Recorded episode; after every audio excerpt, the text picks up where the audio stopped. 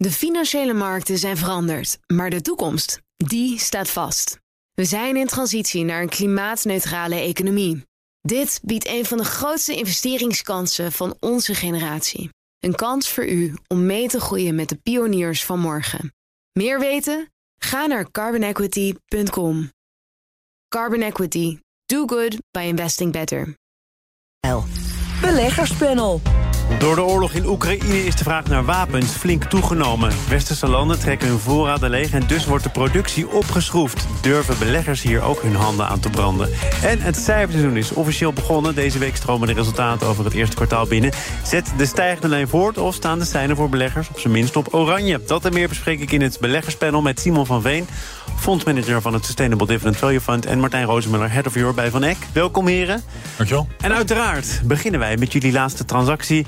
Martijn, wat kun je erover zeggen? Uh, ja, een beetje kenmerkend voor mij zelf, denk ik. Een vrij saaie transactie. Het was een, een high-dividend ETF. Uh, een beetje een soort van een keuze tussen nou ja, zeg maar, uh, vele kwaden. Het is best moeilijk uh, om iets te kiezen. Maar high dividend, value op lange termijn altijd een goede belegging. En ik ben uiteindelijk lange termijn belegger, dus die durfde ik wel aan. Ja. En zo'n zo ETF, gebaseerd op hoog dividend, hoe wordt die eigenlijk samengesteld? Wat kun je zeggen over toekomstige dividenden? Hoe, hoe robuust, om die vakterm volgens mij maar eens erin te gooien, moet het zijn? Um, ja, dat is een goede vraag. Want er zijn natuurlijk uh, de bekende term dividend trap uh, bestaat. Hè, dus je kan je laten foppen door een bedrijf wat uh, nu veel betaalt, maar dan misschien volgend jaar dat helemaal niet volhoudt. wij maken hier gebruik van een Morningstar Index. En Morningstar heeft best wel een slimme methodiek bedacht, waar onder andere gekeken wordt inderdaad naar de houdbaarheid van die dividenden. Uiteraard ook dit geen garantie voor de toekomst, maar wel echt een gedegen methodiek die in ieder geval voorkomt dat je in de dividend traps. Zie je die, die val vaak voorbij komen, denk je? Eh, ja, absoluut. Ja, nee, dat is. Uh, kijk, in het verleden natuurlijk heel veel uh, gebeurd. Beste voorbeelden heb je in de financiële sector, die natuurlijk na de, na de crisis, het is alweer tien jaar geleden, maar toch ja, massaal dividenden schrapte en moest schrappen voor een deel ook. Maar ja, hoge dividenden zijn er zeker geen garantie op toekomstige dividenden. Groeiende dividenden zijn een betere garantie. Simon, wat kun jij zeggen over je laatste transactie? Nou ja, we hebben uh, zeg maar, uh, met veel plezier naar de jaarcijfers van TKH gekeken. Vroeger Twentse Kabel. En uh, die waren, vorige maand was dat. En ehm, die waren ja, prima, goed. mooie omzetstijging, nog betere winststijging, toenemende marges. En een, een orderboek op recordhoogte. Dus dat ja, maakt het een interessant aandeel. Wat, wat een stuk goedkoper is dan, dan een paar jaar geleden. Terwijl de vraag naar de producten eigenlijk veel groter is. Ben je niet een beetje laat? Tenminste, ik heb de topman van TKH gesproken. En die zei, nou, beter dan dit, dan dit kan eigenlijk niet. Dit is de top. Um, nou, ik weet niet of we laat zijn. Ik denk dat er de komende jaren nog heel veel geïnvesteerd gaat worden in, in allerlei sectoren waar zij heel actief zijn, waar ze soms leidende posities hebben. Uh, denk maar gewoon aan alle kabels die nodig zijn voor de energietransitie en om die windmolenparken op zee aan elkaar te knopen en om uh, nou ja, die, die, die uh, autobandenmachines uit te rollen wereldwijd waar zij echt heel goed in zijn. Uh, dus, uh, Ook ja. een, een inkoopprogramma volgens mij dat op punt van beginnen staat of net begonnen is? Ja, ze hebben een inkoopprogramma voor eigen aandelen. Ze hebben een dividend met 10% verhoogd. Ah. Dus uh, best, wel, best wel veel plusjes eigenlijk. Best veel plusjes. Kijken of het ook plusjes regent tijdens het uh, cijferseizoen. Uh, de Amerikaanse banken hebben traditioneel de aftrap verzorgd. Nou, dat had wel minder gekund, toch Martijn? Ja, ik denk dat het zelfs uh, best goed was. Uh, tenminste, degene die we tot nu toe gezien hebben, eind vorige week in ieder geval. Vandaag uh, staan er weer een paar op de rol. Misschien wel ongeveer op dit moment, maar die cijfers ken ik natuurlijk nog niet. Um, ja, de verwachting was natuurlijk ook wel dat het redelijk goed zou zijn. De, de renteontwikkeling is gunstig voor de banken. Alhoewel hè, dat natuurlijk allemaal nog maar mondjesmaat in uh, het afgelopen kwartaal zit. Uh, ja, de grote vraag is natuurlijk eigenlijk hè, hoe, het, uh, hoe de volgende kwartalen eruit gaan zien. Dus één zwaluw maakt nog geen zomer. Ja, dat wordt er dan meteen uh, bij gezegd. En zeker nu, tweede kwartaal, derde kwartaal, komen we dan in mineur. Het is misschien een beetje vreemd om daar, terwijl het cijferseizoen een paar dagen oud is, alvast op vooruit te blikken. Maar speelt dat dan toch al mee in het sentiment? Nou, kijk, ik denk zeker voor een aantal sectoren. Die uh, stijgende rente is namelijk voor de banken hier en daar wellicht leuk. Maar voor een aantal andere sectoren helemaal niet zo leuk. En de vraag is wanneer je dat een beetje begint te zien. He, met name ook uh, wanneer het eindelijk lukt om die uh, nou ja, toch wel redelijk optimistische consument een beetje af te remmen. He, die is tot nu toe eigenlijk nog door niks afgeschrikt. Dat zal wellicht de komende maanden toch gaan gebeuren. Dus ehm, nou goed, voor dit cijferseizoen zal het wellicht nog best meevallen. Maar het afschrikken van de consument, misschien is dat iets waar centrale banken rekening mee hebben te houden. Maar voor veel bedrijven. Is het toch prima dat de consument blijft uitgeven? Uh, absoluut, voor die bedrijven is het fantastisch. Maar de vraag is dus wel een beetje of de centrale banken toch een beetje hun gelijk gaan halen de komende maanden. En je ziet vaak dat die hogere rente vertraagd doorwerkt in het bestedingsgedrag van de consument. Dus dat zou de komende maanden nog kunnen gebeuren. Maar voor nu, nogmaals, ziet het er eigenlijk wel goed uit. Wat denk jij? Ja, nou ja, ik denk voor, voor de, deze kwartaalcijfers is een belangrijk punt dat bedrijven allemaal een uh, stuk minder betalen aan uh, energiekosten dan een jaar geleden. Dat is een belangrijk verschil. Bedrijven kijken naar het eerste kwartaal dit jaar versus het eerste kwartaal vorig jaar. Dat is een belangrijk verschil. Dus die lagere energiekosten die, die, die leiden waarschijnlijk tot, tot wat hogere marges bij veel bedrijven, behalve dan natuurlijk bij de, bij de olie- en energiesector zelf. Uh, uh, maar uh, dat is één. En dan ja, zullen we, hebben dit jaar het thema natuurlijk van hogere loonkosten bij, bij veel bedrijven. Je ziet dat Amerika veel salarissen direct gestegen zijn. In Nederland zie je ook hogere cao's afgesloten worden met 6, 7, 8 procent uh, loonstijging eh, is dat iets waar bedrijven absoluut rekening mee moeten gaan houden. Klaas Knot maakt zich daar nog geen zorgen over. Hè? Ik snap dat de wereld groter is dan Nederland, maar die zegt ach prima, dit had ik wel zo ongeveer verwacht. Uh, en, en zegt hij trouwens ook nog, en hij is niet de enige, veel bedrijven zijn, als je kijkt naar hun winst de afgelopen tijd, nog prima in staat om het daar dan uit te betalen. Maar, maar dat is ook zo. Dus, dus bedrijven hebben wat dat betreft wel een buffer. Maar het, het zal de vergelijking zeg maar, in de tweede helft van het jaar misschien wat, wat moeilijker maken voor, uh, voor bedrijven. Daar staat natuurlijk wel tegenover dat veel consumenten dat hogere inkomen ook uit gaan geven. En uh, ja, dat er gewoon uh, eind van het jaar meer ruimte is om, om kerstinkopen te doen nou, dan ik afgelopen jaar. Uh, ze hebben misschien een hoger inkomen, maar de vraag blijft dan toch altijd of ze daar hetzelfde voor kunnen blijven kopen. Dat klopt. Uh, ze, ze, hebben in ieder geval meer te besteden, maar de prijzen zijn inderdaad gestegen. Helemaal eens. Ja. Verwacht, verwacht jij toch, Martijn, dan ook een soort winstrecessie, dalende winsten? Nou, ik, ik heb wel het idee dat uh, het zou kunnen afnemen. En uh, ja, de vraag is inderdaad een beetje hè, wat de balans tussen de gestegen lonen en het feit dat ze in absolute termen wat meer kunnen uitgeven. en, en de gestegen rente, hè, gaan ze misschien toch ook wat meer op een spaarrekening zetten. Die balans die, die wordt bepalend, denk ik, de komende zes maanden voor wat er hierna gaat komen. En, en de financieringskosten van bedrijven, dat zie je natuurlijk in bepaalde hoeken wel terugkomen. Ja, dat nou is het moet wel gaan zo. wegen. Ja, dat moet op een gegeven moment wel gaan wegen. Maar nou hebben bedrijven over het algemeen natuurlijk wel een beetje een uitgenaste strategie, uh, kort en lang. En he, die worden niet gelijk geraakt doordat uh, de korte rente nu vier keer zo hoog is als een jaar geleden. Want niet alles is kort gefinancierd. Simon, denk je ook dat, ja, dat, dat, dat uitgenast genoeg is? nee, ik ben het helemaal mee eens dat, dat, uh, dat veel bedrijven natuurlijk uh, een, een uh, rente voor lange tijd vastgezet hebben. En, en een, een, structuur hebben waarbij ze maar een deel van de schuld ieder jaar moeten herfinancieren. Dus, dus dat betekent dat die, die effecten van een hoge rente die er wel degelijk zijn, dat die maar heel geleidelijk zeg maar, in de resultaten van het bedrijf terugkomen. En wat zijn de, de, bedrijven die de komende dagen komen? Er komen nog wat grote Amerikaanse banken die een, een graadmeter kunnen zijn voor de rest van wat nog volgt? Nou ja, uh, morgen komt volgens mij ASML. En dat is natuurlijk dan uh, absoluut een graadmeter voor de, voor de technologie sector. Dus dat, dat lijkt me wel degelijk uh, belangrijk wat die gaan zeggen. Ondanks dat dus gisteren het verhaal was van uh, TSMC... Die, die zeggen minder te gaan investeren... En, en daardoor wellicht minder uit gaan geven aan nieuwe machines van, uh, van ASML. In het eerste kwartaal zal je dat in ieder geval nog niet terugzien. Dus die, die cijfers die zullen wel degelijk een graadmeter zijn... voor andere technologiebedrijven. Waar kijk jij naar uit? Nou, misschien een beetje los van het cijferseizoen... maar wel iets wat heel interessant is en heel actueel... is als je kijkt naar rente en banken... Apple, die aangekondigd hebben samen met Goldman... een programma op te zetten waar mensen dus 4,1 of 4,2 procent rente krijgen uit mijn hoofd. het midden, 4,15. Nou kijk, fantastisch. Zat ik er dicht in de buurt. Maar het leuke is dus wel dat zij dus nu daar de concurrentie aangaan. En ik ben heel benieuwd hoe de grotere financiële instellingen in Amerika daarmee om zullen gaan. En of ze dit ook echt als een bedreiging zien. Want daar wordt natuurlijk uh, nog een stuk minder betaald voor. Ja, die kunnen misschien een been bijtrekken, maar tussen hun rentepercentage en dat wat Apple nu biedt zit zoveel licht dat ze waarschijnlijk nooit helemaal gelijk kunnen maken. Nee, dat lijkt me inderdaad ook. Wat denk jij? Uh, klopt. Ik denk wel dat de, de Apple-spaarrekening vooral uh, particuliere spaarders aan zal trekken. En dat het dus om relatief bescheiden bedragen zal, gaan, bedragen zal gaan. in het licht van de grote verschuivingen van deposito's. die we natuurlijk recent gezien hebben. toen Silicon Valley Bank en een aantal andere regionale banken kopje ondergingen. Dus dus ik denk niet dat uh, nou ja, JP Morgan of Bank of America heel bang zijn alle grote deposito's te gaan verliezen aan Apple. Je kent altijd nog in goud, hè? Want uh, ook daar bijna uh, een recordprijs. Ik geloof iets meer dan 2000 dollar per troy ounce nu. Klopt. Ehm, zegt dat nog iets over vertrouwen of het gebrek daaraan? Heel klein beetje. Ik denk zelfs dat hij de afgelopen weken is, is hij zelfs weer iets afgekomen. We zaten vorige week dichter bij het record.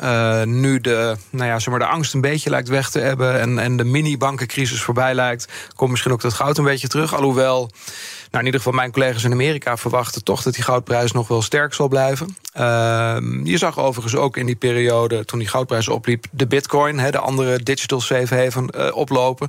Ja, wellicht toch een beetje geld wat verschoven is naar plekken die dan veiliger geacht worden. We gaan uh, naar uh, een onveilige wereld en wat dat betekent voor de wapenindustrie.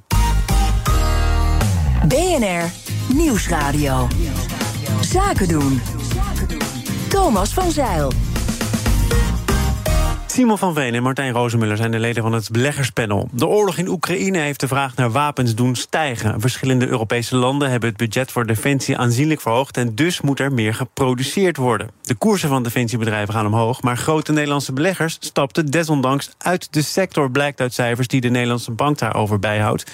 Ben je verrast door dit op zijn best toch tegenstrijdige bericht of deze tegenstrijdige ontwikkelingen? Nou, niet helemaal. Kijk, grote beleggers zijn natuurlijk al jarenlang bezig met hun eh, portefeuille uh, ja, duurzamer te maken. En luisteren naar, naar wat hun uh, bijvoorbeeld de leden van pensioenfondsen willen. En en, en een van de dingen waar ze dus stapjes terugzetten is de, is de wapenindustrie. En dan helpt het als je dat op een moment doet waarbij die koersen net flink gestegen zijn. Dat is een goed, goed, goed uitstapmoment voor, voor lange termijn beleggers. Nou, pensioenfondsen overigens hebben wel meer geïnvesteerd als je alles uh, optelt en aftrekt in die wapenindustrie. Nou, maar, maar ik, ik snap dat lange termijn beleggers uh, zeggen van oké, okay, uh, ik, ik wil het toch al afbouwen, dus ik maak van deze koersstijging gebruik. En tegelijkertijd zie je ook een hoop misschien meer particuliere beleggers die zeggen: wacht even, daar wordt nu heel veel geld verdiend. Of er gaat de komende tijd veel geld verdiend worden, meer geïnvesteerd worden. Um, en en, en ik, ik stap juist wel in die aandelen. Nou, een goede maand geleden was de Nederlandse topman van Thales te gast in dit programma. En toen heb ik hem ook voorgelegd. Nou, het sentiment is toch aan het keren. En toen zei hij: ja, ik zie het sentiment wel keren. Er wordt op een andere manier over ons gesproken. Maar of er nou ook echt daadwerkelijk beleggers instappen, Ho maar. volgens mij wel, want de koers staat op een all-time high van Thales. Dus dat, ja. dat, dat, Maar komen die uit Europa of komen die uit Amerika? Ja, dat, uh, en, en, en, het schijnt als je dat eh, tegen het licht houdt... dat het dan toch zo is dat het uh, uit, uh, uit Amerika komt. Ik, ik stuit op een eerder interview met de topman van Thales... en die zei tussen 2017 en 2021... is het percentage Thales-aandelen in het bezit van investeerders... van continentaal Europa, dat is exclusief Frankrijk... want daar komen ze origineel vandaan, gedaald van 20 naar 8 procent. En dan zegt hij, deze ontwikkelingen drukken de marktwaarde... van onze defensiebedrijven vergeleken met hun collega's... in de Verenigde Staten, het VK en Azië. Hun groeivooruitzichten verzwakken daardoor en raken uiteindelijk verstikt. Nou, dat, dat is om somber van te worden.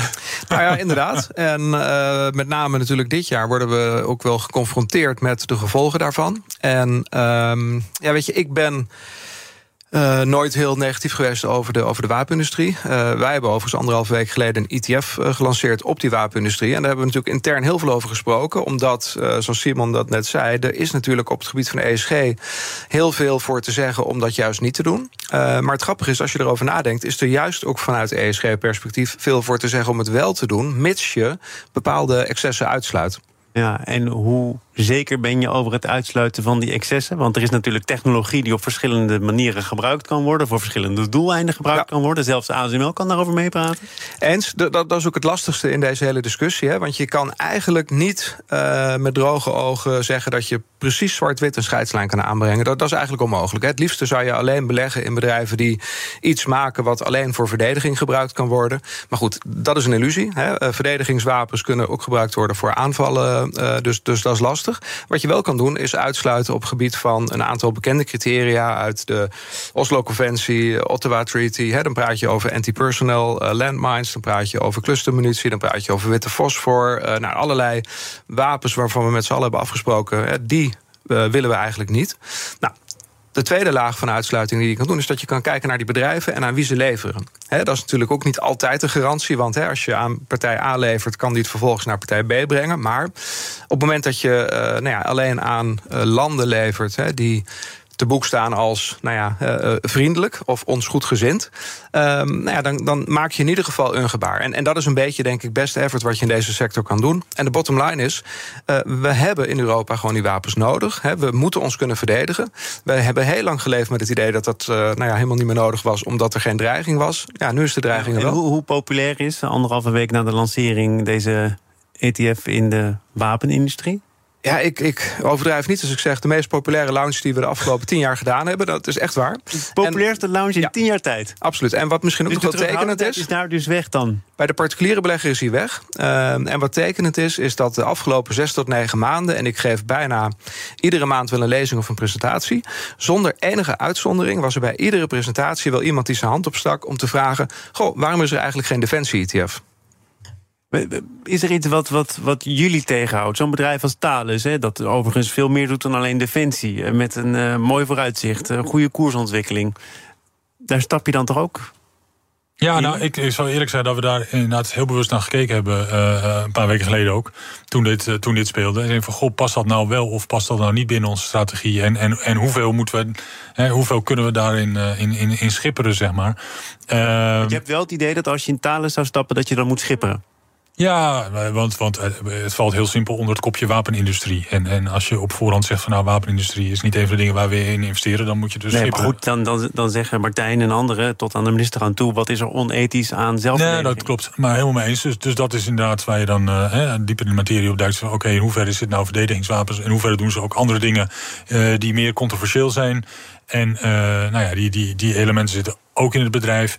En, en daarnaast, ja net als heel veel mensen eh, hopen wij toch echt dat die oorlog in Oekraïne niet uh, eeuwigdurend zal zijn. En op het moment dat, dat daardoor de acute vraag naar wapens weer wat afneemt. dan, dan, dan zal je dat ook uiteraard terugzien in de koersvorming van. Dus, dus ook de, de ETF van Martijn, dat is van tijdelijke aard. Want we zijn allemaal op weg naar wereldvrede. Uh, laten we dat hopen, ja. In dat kader uh, sluit ik me aan bij de hoop van Simon. Uh, zoals ik het zelf intern verwoord heb. He, we schuiven een beetje van idealisme. We, we, gaan uit van de ideale wereld zonder oorlog naar realisme. Die oorlog is er af en toe wel.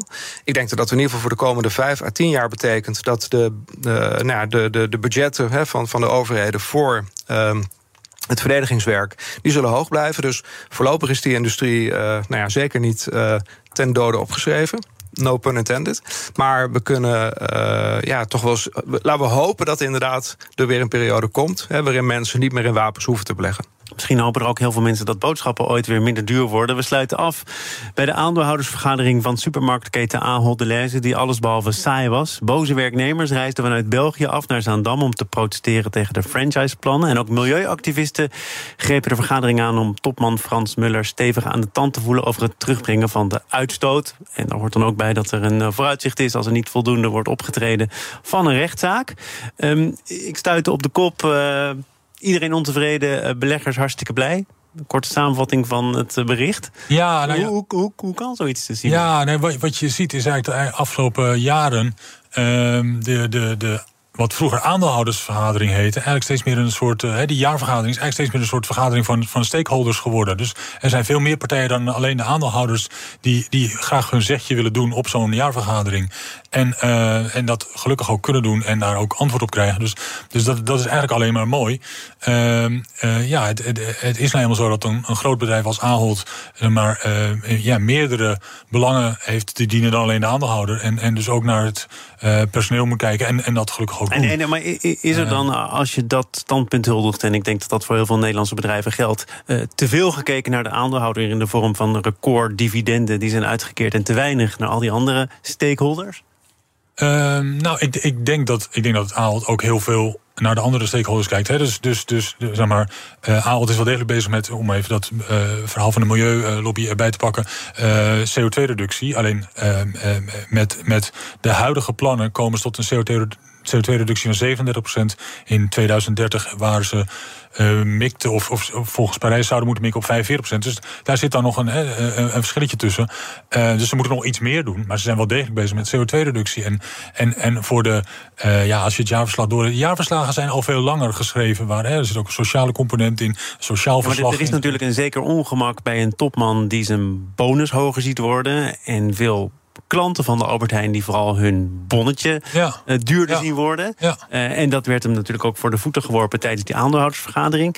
Is dat nou te makkelijk? Want dan zal hij zeggen: het leeuwendeel van de winst wordt gerealiseerd eh, aan de andere kant van de plas in Amerika. Onze marges in Europa staan wel degelijk onder druk.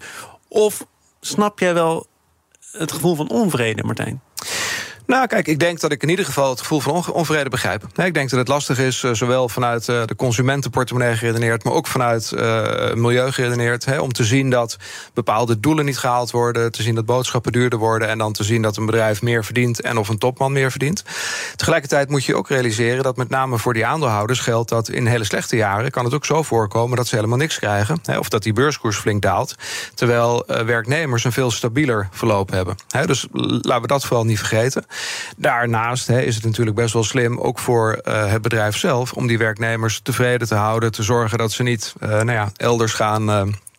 Gaan Het werd, het kijken. werd een heel strijdgevoel. Wat, wat, wat, Ja. wat Simon zegt, eh, tot rookbommen aan toe, protesten vanuit België, Nederland. Want FNV was er overigens ook, Milieudefensie. Ja, nee, ik juich toe dat aandeelhouders eh, af en toe, eh, of aandeelhoudersvergaderingen af en toe wat meer reuring hebben. Het is goed om op dat soort momenten natuurlijk onderwerpen aan de kaak te stellen. Dit was misschien wel een beetje erg veel reuring.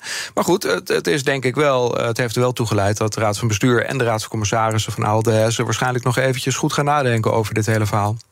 Ik eh, dank jullie voor jullie bijdrage aan dit beleggerspanel. Simon van Veen van het Sustainable Dividend Value Fund... en Martijn Rozenmuller, Head of Europe bij Van Eck. Beleggerspanel wordt mede mogelijk gemaakt door Annexum. Al meer dan 20 jaar de aanbieder van vastgoedfondsen. Dit panel is trouwens ook te beluisteren als podcast. Gebeurt al in eh, ruime getalen, maar er kan altijd nog een luisteraar bij. Dus abonneer je vooral even via je favoriete kanaal of de BNR-app. Zometeen gaat het over de uitdagingen die komen kijken... bij het samenvoegen van liefst 16 bedrijven... tot één nieuwe gezamenlijke groep. De financiële markten zijn veranderd, maar de toekomst, die staat vast. We zijn in transitie naar een klimaatneutrale economie. Dit biedt een van de grootste investeringskansen van onze generatie. Een kans voor u om mee te groeien met de klimaatoplossingen van morgen. Meer weten? Ga naar carbonequity.com. Carbon Equity. Do good by investing better.